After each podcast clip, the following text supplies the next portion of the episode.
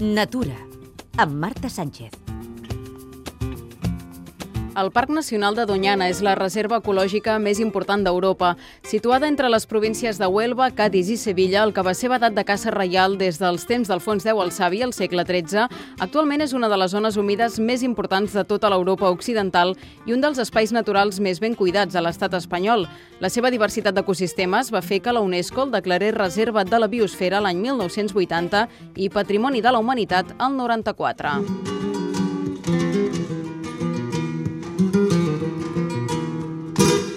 La setmana passada es va celebrar el 40 aniversari de la declaració de Doñana com a parc natural, una efemèride que ha servit per recordar que l'espai encara no està lliure de perills.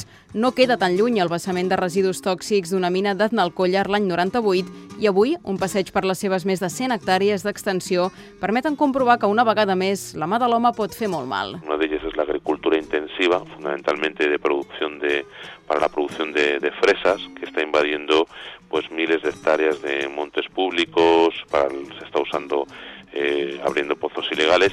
Otro gravísimo problema que hay en este momento es el proyecto de crear una refinería de petróleo en Badajoz que tindria un... Juan Carlos del Olmo és secretari general del Fons Mundial de la Naturalesa. És una ONG que va néixer l'any 1961 precisament per salvar Doñana.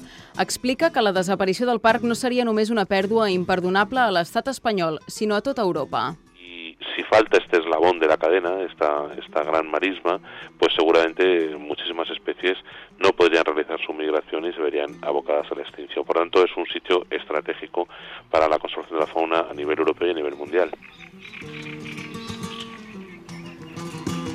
I és que per Doñana hi passen cada any més de 500.000 ocells d'arreu d'Europa que en conformen una de les imatges més particulars, però el parc és especialment conegut també per dues espècies que actualment corren perill d'extinció.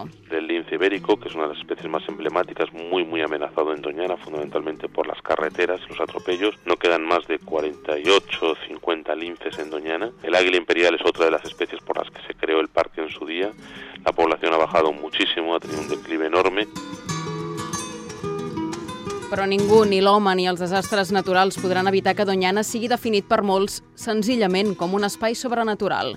Que és un, un paraíso ubicado en la Baja Andalucía, que uno perdido... És Juan Carlos Rubio, director general de l'Espai Natural de Doñana. La referencia de situarse en, en terrenos eh, de nuestro continente, más bien parecería que estábamos en, en otros puntos de, de la Tierra y que tiene una, una riqueza de recursos, tanto naturales como culturales, históricos, impressionante. No? I també religiosos, i és que dins del Parc de Doñana hi trobareu el Santuari del Rocío, el més venerat pels andalusos i visitat cada any per més de dos milions de persones.